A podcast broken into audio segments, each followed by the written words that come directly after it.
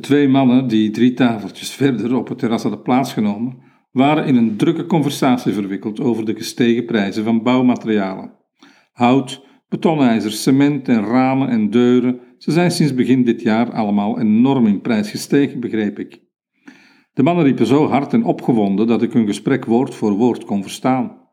Een bezoeker uit een ander land dan Spanje zou al snel denken dat ze ruzie hadden, maar roepen is de manier waarop de Andalusiër meestal communiceert.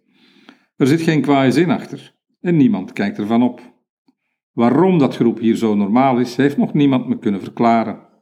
Ik hou het erop dat het een gewoonte is die vooral voorkomt bij mannen en vrouwen die ofwel in lawaaierige omstandigheden werken, zoals in de bouw, of bij boeren op het land, die gewend zijn om van de ene kant van hun land naar de andere kant te gillen. Ik heb wel eens gelezen dat geiten- en schapenhoeders in sommige bergachtige streken fluitsignalen gebruiken om met andere herders of met het thuisfront te communiceren.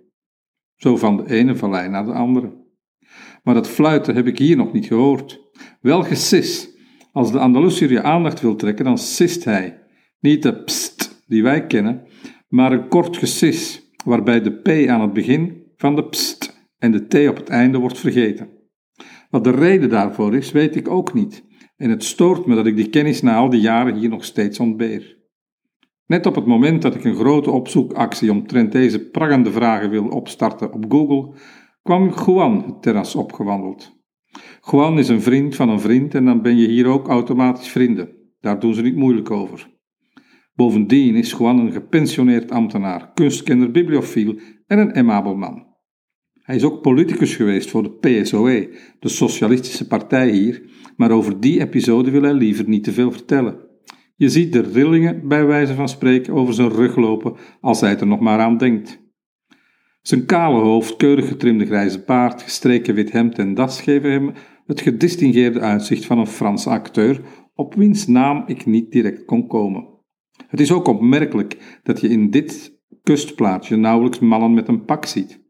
Toeristen lopen stevast in shorts, zelfs als het maar 10 graden is en er een snijdende wind staat.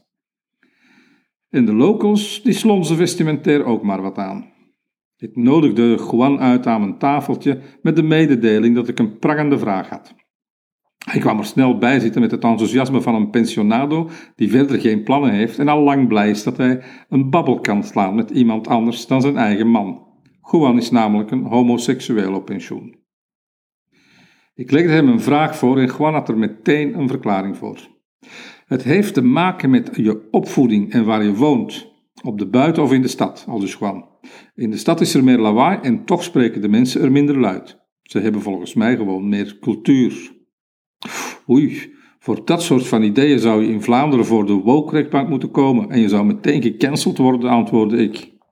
Juan keek me met een gezicht vol met vraagtekens aan. Ach, misschien komt het door de grote families hier, ging hij dan maar verder.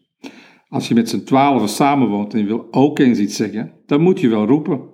Bovendien zijn in die grote gezinnen ook de abuelos, de grootouders, inbegrepen en die zijn vaak hardhorig.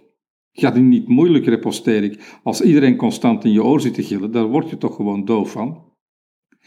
Nadat we samen hadden ontbeten met koffie, toast, olijfolie en gehakte tomaat, nam ik afscheid van Juan en liep ik naar mijn motor. De luidruchtige mannen die drie tafels verder hadden het intussen over de voetbalmatch van gisteren. Philippe Noiret, verrek, hij lijkt op de Franse acteur Philippe Noiret, bedacht ik me toen ik al twee straten verder was en een open zwaaiend portier probeerde te ontwijken. En ik ben ook nog vergeten te vragen waar die vandaan komt.